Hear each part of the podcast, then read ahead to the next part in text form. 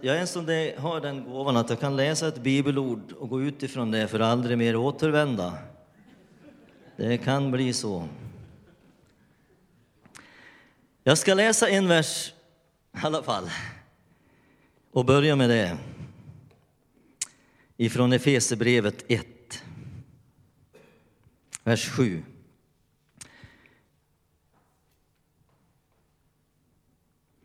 I honom och genom hans blod har vi friköpts och fått förlåtelse för våra överträdelser. Så rik är den nåd med vilken Gud har låtit all vishet och klokhet flöda över oss. Jag läser också levande Bibeln, en vers där. Så gränslöst älskar han oss att han har tagit bort alla våra synder genom sin sons blod och genom honom är vi frälsta. Tack Herre att vi får lägga den här stunden i dina händer. Och jag har en enda bön att du skulle få lyckas med oss idag, varenda en. Amen. Den värsta katastrof som har hänt i världshistorien det måste ha varit när de första människorna lyssnade på djävulen, bröt mot Guds bud och synden kom in i världen. Det här onda som liksom gjorde att hela skapelsen kom på sidan om sitt rätta syfte. Det som trängde in i varje människa, i dig, i mig och i alla som någonsin har levt. och som gjorde att vi förlorade livet och relationen med Gud. Det här lilla ordet på fyra bokstäver är orsaken, ligger bakom alla krig, allt hat, allt våld, all sorg och all smärta och allt ont som vi någonsin kan räkna upp. omfattas av det här lilla ordet synd. Och därför kunde inte Gud längre ha gemenskap med människan. Och därför behöver vi någon som griper in och räddar oss ur den här hopplösa situationen, tar itu med vår synd, för oss tillbaka till Gud och Guds avsikt med oss. Och det är detta som har skett genom Jesu Kristi dyrbara blod och hans död på korset. Jesu blod, Jesu död har öppnat vägen tillbaka till Gud. Det är öppet. Om du sitter här med känselspröten ute och tycker att det känns stängt så kan du tala om att det är öppet. Du kan dra in dem. Ja. Och det är öppet ända fram till Guds tron. Tack vare Jesu blod kan vi nå frimodigt gå fram ända fram till Guds tron och ta emot den hjälp som vi behöver. Så den här eftermiddagsstunden kan du få tillbaka det liv som vi en gång förlorade i syndafallet. Du kan få del av samma liv som bor i Guds eget väsen.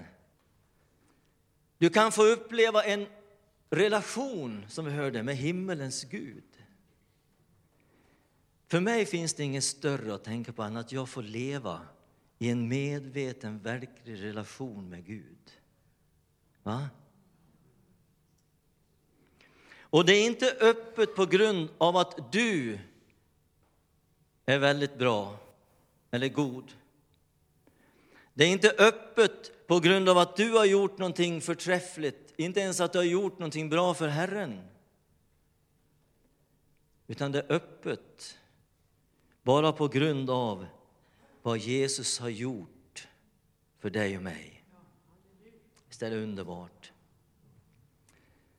Är det så att du inte har en verklig relation med Herren, med Jesus Kristus, då skulle jag vilja utmana dig, se till att du får det idag. Vilken möjlighet! Känner du att Guds livet liksom håller på att rinna bort och du har inte den där gemenskapen idag, kan du få uppleva Guds kraft på nytt i ditt liv. Idag kan du få uppleva en förnyelse. Och vet du, jag tror att Gud vill förnya sitt folk på ett särskilt sätt idag. På ett särskilt område. Och det är ett förnyat bönebehov och ett fördjupat böneansvar. Alla Guds möjligheter finns tillgängliga. Och nu kommer jag lite på sidan om mig. Jag, jag har en längtan, förstår ni. Det är så många onda krafter som skakar det här landet och vår värld idag. Och jag har en stark längtan efter att vi ska få uppleva att den heliga Ande får skaka våra församlingar och bygder istället. Precis som de första kristna, när de hade Petrus och Johannes var det som hade botat en lam man och det blev väldigt rabalder. Man blev tillfångatagen, förbjuden att predika Jesu namn och man, man blev väl piskad också. Och när man släpptes så gick man hem och sa, nu får vi vara lite försiktiga, kära bröder och systrar. Vi talar inte om synden och inte om blodet, för det är så äckligt. Och de tog ett plakat och gick ut och... Eller? Nej. De gick hem och sen bad de. Halleluja, jag tycker om det avsnittet. Sen bad de, Herre, ge oss frimodighet att förkunna ditt ord. Räck ut din hand och bota de sjuka och gör under och tecken. Och när de har slutat be så uppfylldes som alla av den heliga Ande och platsen skakade. Ja, det är bättre än när folk skakar. Eller hur, Sam? Ja, det är ännu bättre. Jag är så glad att jag har en teolog med, för man vet aldrig vad det bär i vägen, så någon kan rätta till det efteråt. Men det än går rätt så bra, eller hur? Ja, bra. Blodet har gett oss tillträde till Gud. Och sen vill jag säga, för det andra, blodet har tillfredsställt Gud. Gud är nöjd med dig. Gud är nöjd med dig.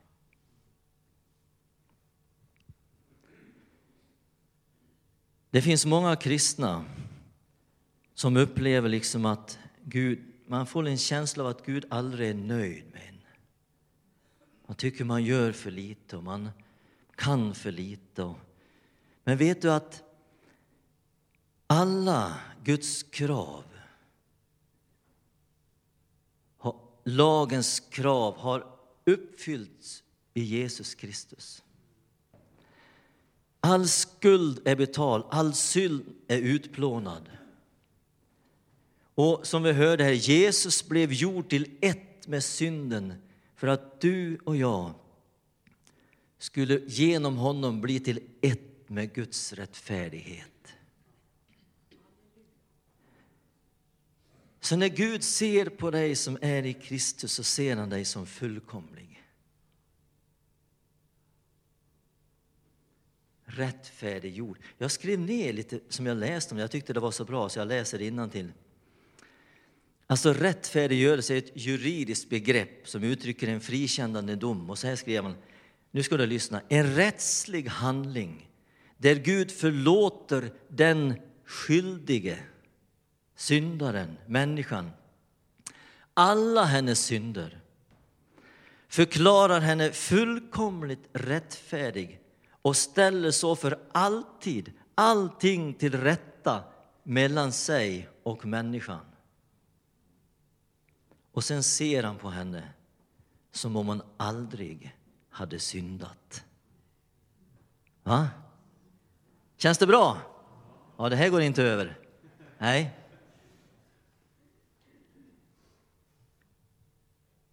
Det finns, jag tror många upplever som att Gud, han, han, är, han är svår att leva med. Men jag ska tala om för dig, Gud är lätt att leva med. Han är inte kärv och inte grinig och inte kinkig. Och han lämnar dig inte när du faller och misslyckas. Han är där för att förlåta och hjälpa. Halleluja! Får säga som LP-brodern som, som blev så överrumplad av ilska så han svor till på jobbet. Och det hörde naturligtvis arbetskamraterna. Jaha, det sa de. Vad säger Gud nu då? Han sa fortsätt som om ingenting har hänt. Ja. När du och jag faller så släpper inte Gud taget.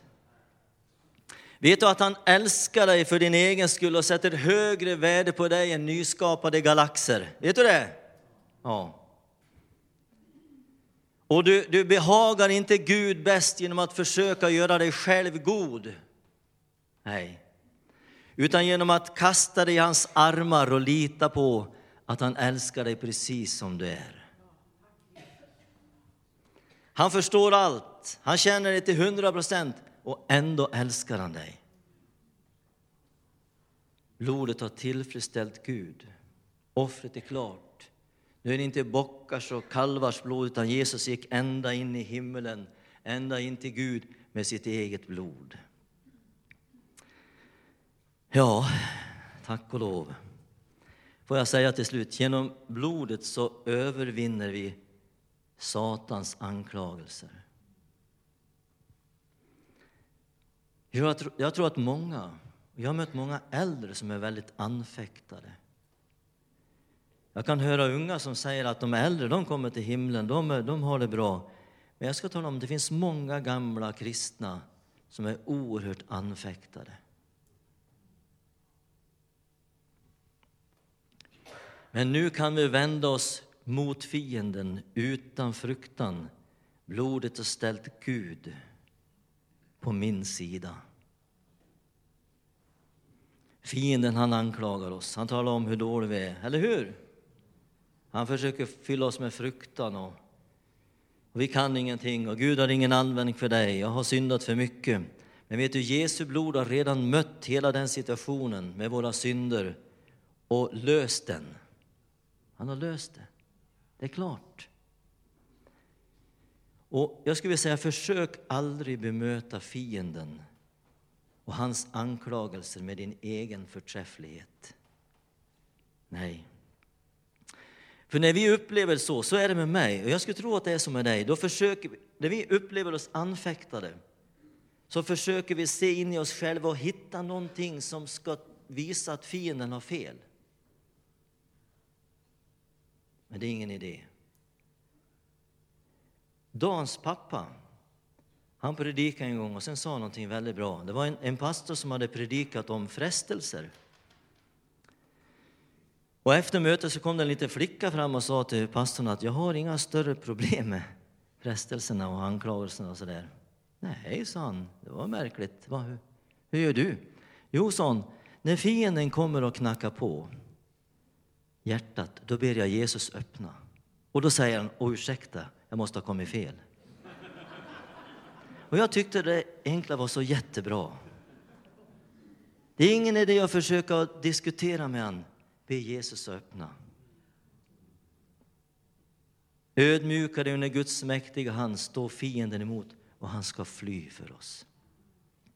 Det ordet fick jag en gång när jag var totalt nerslut. Totalt slut. Jag trodde inte jag skulle överleva, så slut kände jag mig. Och jag satt på expedition i Forshaga när jag var pastor där i Forshaga. Och, och jag kände mig, jag såg mig framför mig som ett ägg vet ni, som man har blåst ur innehållet i. Så skör kände jag mig. Så säg någonting, möter jag något negativt nu så brister jag. Och då kom det här ordet som en bomb. Ödmjukare under Guds mäktiga hand. Stå fienden emot och han ska fly för dig. Alltså jag upplevde en sån kraft där på expeditionen. Sen hade vi en ungdomssamling som jag ska säga heter duga. När den heliga ande föll. Ja, jag blev som ett lejon. För jag kände jag behöver inte göra någonting än vara där Gud vill att jag ska vara. Ja. Får andra fly. Och där säger jag amen. Visst var väl det en rätt bra predikan ändå? Ja.